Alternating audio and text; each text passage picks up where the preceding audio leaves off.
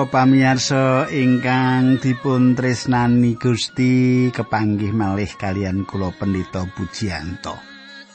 Wah, menika sawetawis dinten menika dintenipun radi enak nggih. Hawanipun wonten batu menika ora patek atis melih. Inggih, ngaten nggih. Nembe kemawon kula pikantuk telepon saking Bu Indang nggih, Bu Indang menika guru SMA. Wah, piyambakipun matur nuwun dhateng kula. Nggih, Pak Puji menawi ngasta acara menika kok kepenak, ngoten nggih. Margi utami nggih kepenak, ngaten nggih Bu Endang matur nuwun sanget. Nggih, panjenengan wis keliling dhateng Israel.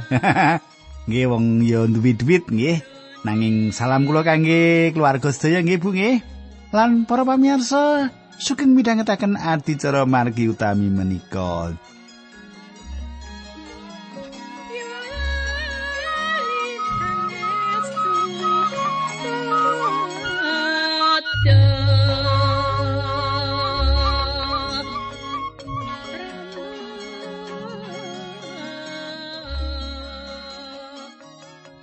Para pamirsa ingkang kula tresnani menapa panjenengan tasih kemutan menapa ingkang kula aturaken duk pepanggihan kepengker nggih.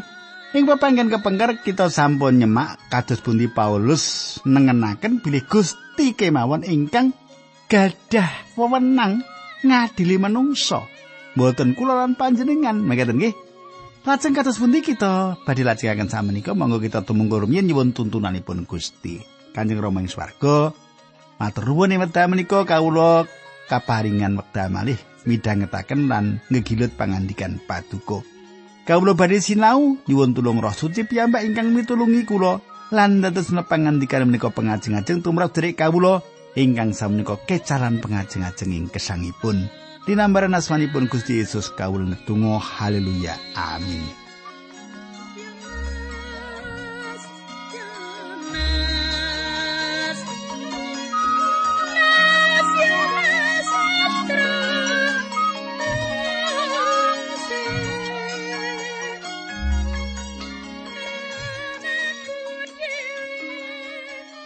Para pamirsa samenika pasinaon kita sampun lumebet ing kitab setunggal Korintus bab gangsal nggih. Setunggal Korintus bab gangsal. Kula wasaken wiwit ayat setunggal rumiyin. Satemene aku wis krungu yen ing antaramu ana sing laku jina nganggo cara sing ngungkuli carane wong kafir. Utawa wong sing ora wanuh karo Gusti Allah. Ya kuwi laku jina karo ibune kualon dewi. Para pamirsa, inggih menika perkawis ingkang dumados sing salebetipun pasamuan. Ingkang dumados menika mboten namung gosip, tumindak jina makaten menika malah mboten dipun sebat ing antawisipun bangsa sanes Yahudi. Ora kelakon. Ingkang dipun pratelakaken menika satunggalipun cariyos saru, lare ingkang mendhet semahipun bapakipun. Kados ingkang dipun pratelakaken ing pangandikan kala wau ateges menika ibu kualonipun. Ayat kali ewa semono kowe kok padha gumunggung temen? Mesine kowe kudu padha sedih lan wong sing nglakoni jina kaya mengkono mau kudune diwetokake saka pesamuan. Para pamirsa ing mriki Paulus ngginakaken tembung ingkang keras Paulus sing mriki ngadepi urusan dosa ingkang saestu mrihatosaken. Pasaman Korintus komromi kalian patrap awon. Kita kedangaken bilih dosa ing salebetipun pesaman kedah dipun rampungaken.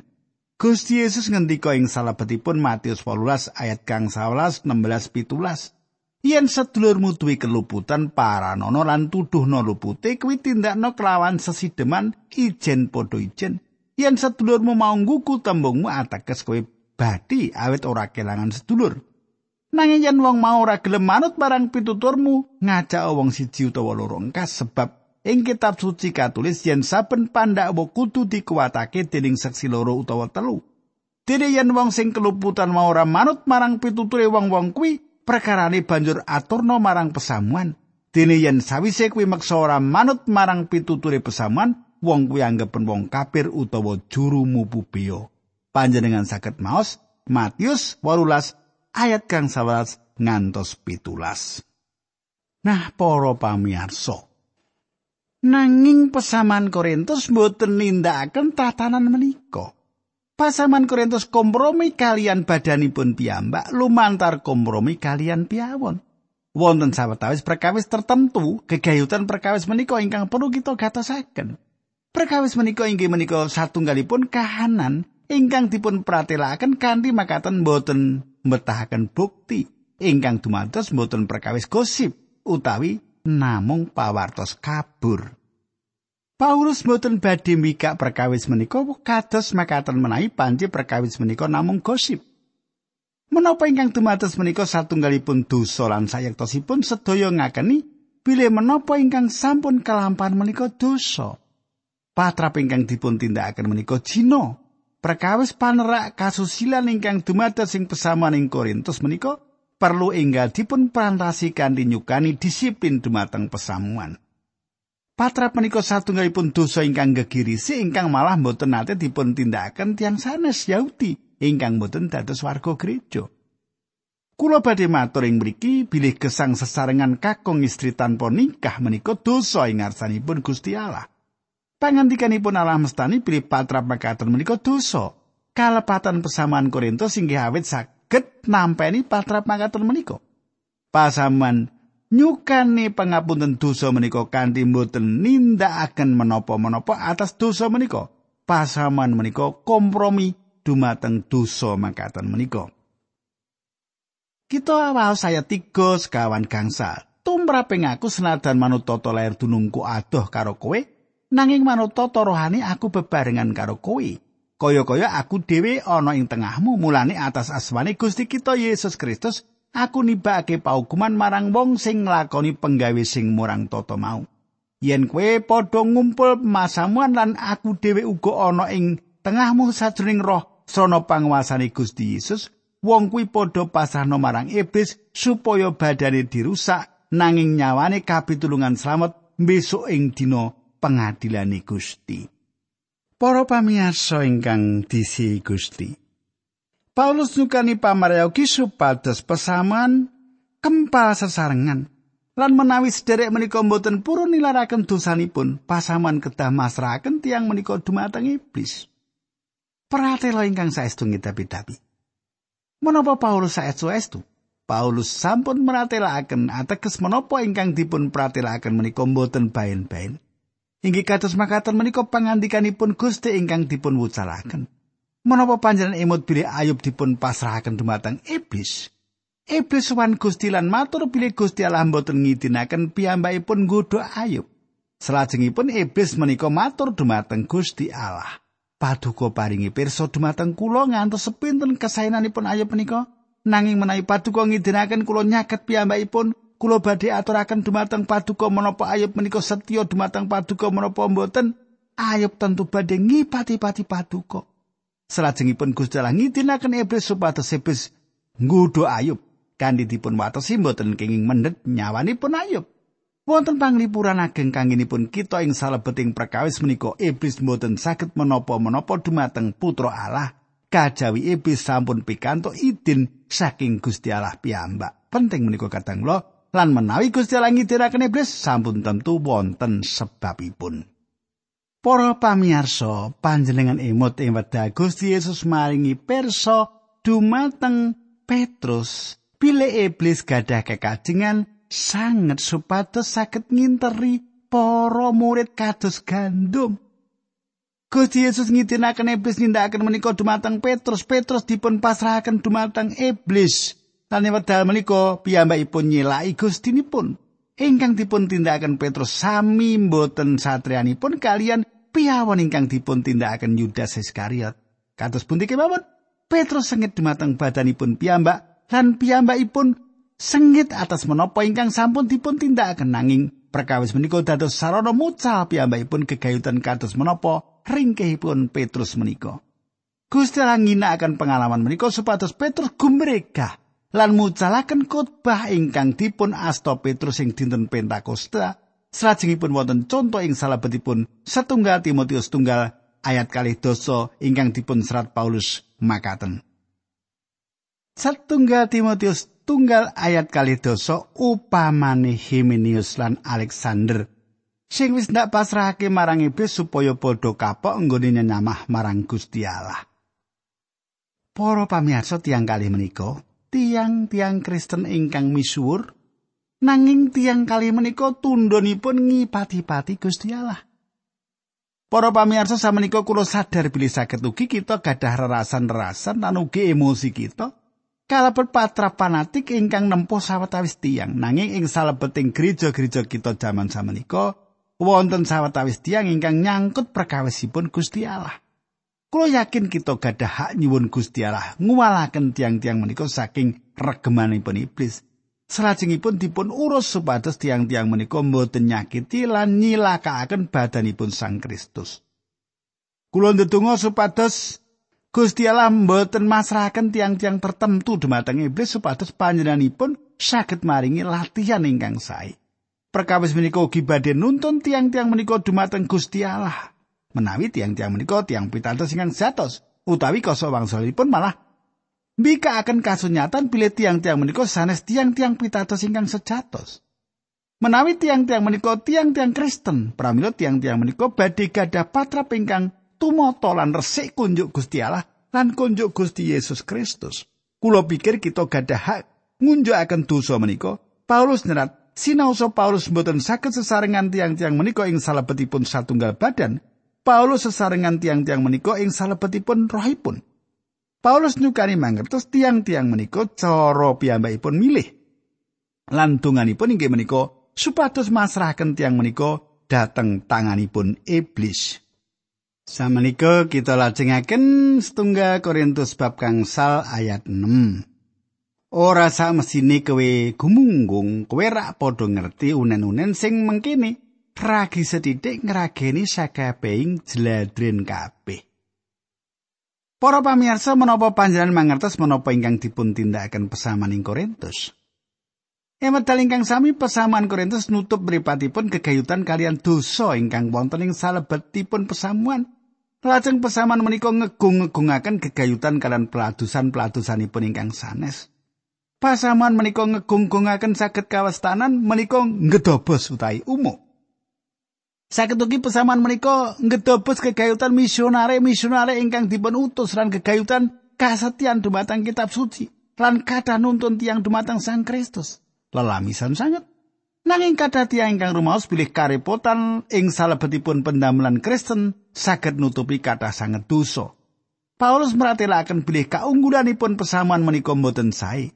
Menapa pesaman menika mboten mangertos bilih ragi saged mbosokaken sedaya adonan. Ragi mboten nate dados simbol ing salebetipun Injil ragi tansah dados watonan piawon. Lan ing salebetipun conto menika nglambangaken piawon. Kita lajengaken ayat pitu. Ragi sing lawas ya kuwi dosa buangen supaya kowe padha dadi jledren sing anyar sing murni sing tanpa ragilan satemene aku ngerti yen kowe pancen mengkono Sang Kristus tempening Paskah wis kasembelih. Para pamirsa menapa ingkang dipun ragi atas roti. Menawi panjenengan nglebetaken ragi ing salebetipun adonan, mapanaken ing papan ingkang anget, pramila roti menika badhe ngembang. Ngantos wates ingkang sampun katemtokaken lajeng kalebetaken wonten ing oven panas.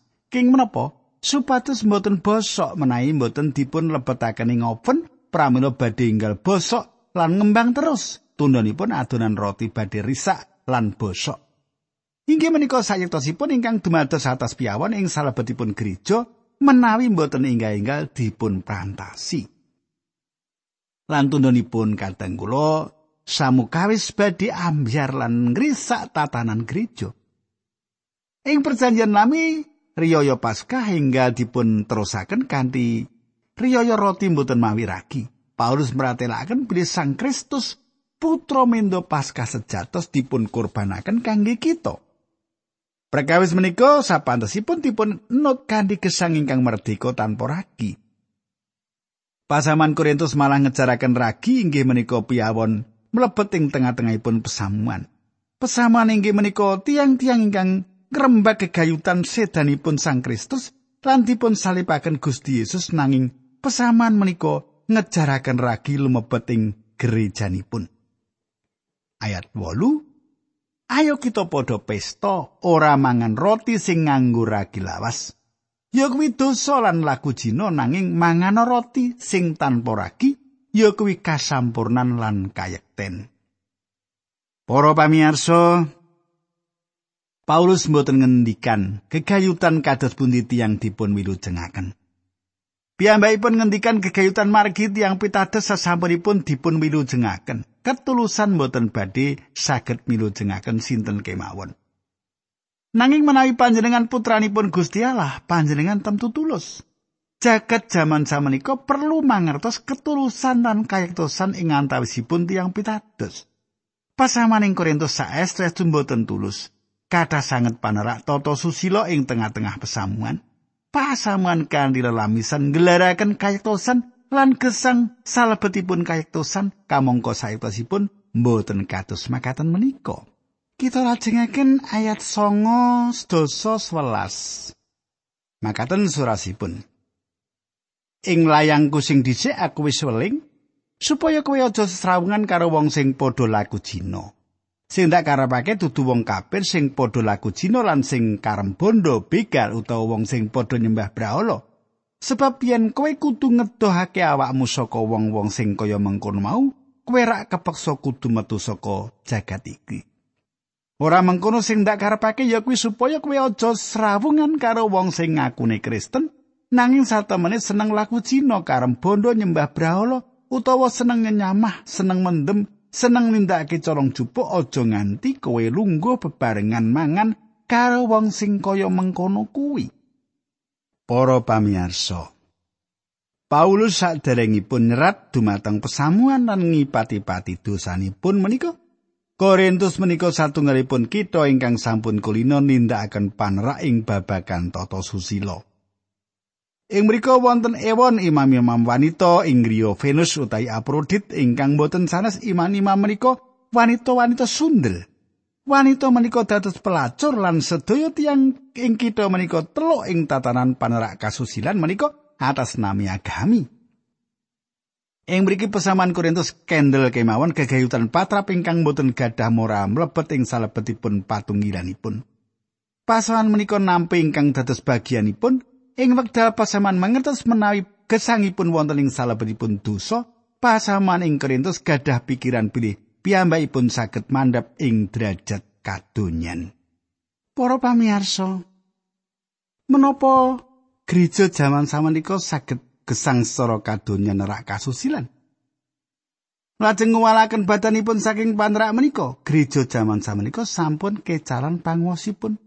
Ingkang kula kajengaken inggih menika gereja umumipun. Puji Gusti tasih wonten gereja-gereja ingkang ngiram-iramaken. Gereja-gereja ingkang ngadeg ing menara ingkang cahayaning nyumunari jagat menika. Gereja-gereja ingkang alansen kitab suci lan ngadeg kangge pangandikanipun Gusti Allah. Ing satunggal dinten kula mireng wonten pendeta nem-neman ingkang nampik ing wedal wonten tiang ingkang nepangaken musik keras ing gerejanipun. Kulo ngaturaken gunging panuwun dumateng Gusti Allah atas pendeta menika ingkang gadah manah ingkang bakoh. Saperangan ageng tiang jaman samenika kompromi lan nutup mripatipun lan ngejaraken cara-cara donya menika mlebet gereja. Gereja sampun kecalan pangwosipun. Gereja ingkang boten murni, gereja badhe lempoh lan gereja menawi murni badhe gadah pangwaos. Perkawis menika ugi lumampah kangge saben pribadi. Para pamirsa, Paulus ngandikaaken menika mboten namung kangge patrap Cina. Paulus ugi meratelaken babagan patrap rakus. Kados pundi kegayutan kalian diaken gereja ingkang tanganipun panjang. Kados pundi kegayutan tiang gereja ingkang moto duwiten. gitu. Paulus ugi nyinggul babagan ngibadah dumateng brahala. Kula badhe negasaken bilih pangandikanipun Gusti Allah mucalaken penyakit alit gereja kedah inggal dipun perantasi utawi menawi mboten penyakit menika badhe ngrisak lan ngejur gereja.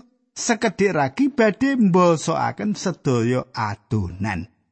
Samenika setunggal Korintus gangsal ayat 12 ngantos 13 Tumrap wong-wong sing cak njabane pesamuan aku ora wenang ngadili. Sing arep ngadili wong-wong kuwi Gusti Allah piyambak Nanging apa ora wis mesine yen kowe ngadili para warganing pesamuanmu dhewe kaya surasane kitab suci wong sing padha nindakake piala tundungen saka ing tengah-tengahmu. Para pamirsa Paulus ngendika bilih piyambakipun boten badhe ngadili tiang ingkang wonten ing sakjawinipun pesamuan. Tiang ingkang wonten ing jawi pesamuan menika sanes urusanipun. Paulus badhe ngadili tiang-tiang ingkang wonten ing salebetipun gereja. Gusti Allah badhe ngadili tiang-tiang ingkang wonten ing Jawi, ngadili piawan ingkang wonten ing salebetipun gereja inggih menika urusanipun gereja. Kita kadutut manah kita kangge mangertos samukawis ingkang lumampah ing Korintus kangge manggihaken jawabanipun kita kedah ningali kalih Korintus kalih ayat sekawan ngantos wolu kula badhe masaken kangge panjenengan. Makatan surasipun kali Korintus kali ayat sekawan ngantos wolu. Naliko aku nulis layang iki hatiku sedih. Awang-awangen lan karo bola bali netesake loh. Nggonku kondo mengkono mau ora marga aku arep gawe sedihmu nanging supaya kowe padha ngerti sepira gedhening katresnanku marang kowe. Menawa ana wong sing gawe sedih kuwi dudu aku sing digawe sedih nanging kowe kabeh utawa saora-orane supaya aku ora banget-bangetake sak perangan saka ing antaramu. Kanggone wong mau wis cukup yen wong akeh ing antaramu sing ngilikake, wong kuwi padha apuranen lan bombongen maneh supaya aja nganti semplah. Penjalukku, kowe padha nuduhno katresnanmu marang wong sing keluputan mau.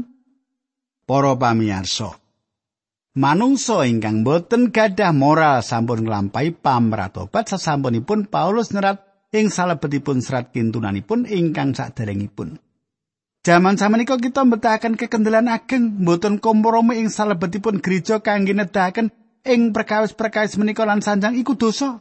Manut kula menawi perkawis menika dipun tindakaken tiang pitados ingkang tasih wonten ing salebetipun dosa badhe ngakeni kados ingkang dipun tindakaken dening tiang Korintus menika lan Daud badhe mertobat lan ngribah gesangipun. Pasaman Korintus ngurus permasalahanipun menika kanthi sae. King menapa? Awit Paulus kedah gadah kekendelan nyerat serat kados makaten menika. Ing salebetipun kalih Korintus pitu ayat 13 Paulus nyetakaken kenging menapa piyambakipun nindakaken kados makaten menika. Makaten surasipun kalih Korinta pitu ayat 13. Aku padha wenehana papan ana ing atimu. Aku ora tau keluputan karo sapa-sapa, ora tau gawe pitunan sapa wae lan uga ora ngasil-asil marang wong. Para pamirsa Paulus sanjang bilih piyambakipun nyerat serat menika kangge kawilujengan pasamuan Gusti Yesus Kristus. Kita kirang saged mireng jaman samenika kekayutan patrap munafik. Aku kabeh ora gelem ngrembug perkara iki. Aku kabeh ora gelem gawe masalah. Aku kabeh nyimpen masalah kuwi kanthi primpen.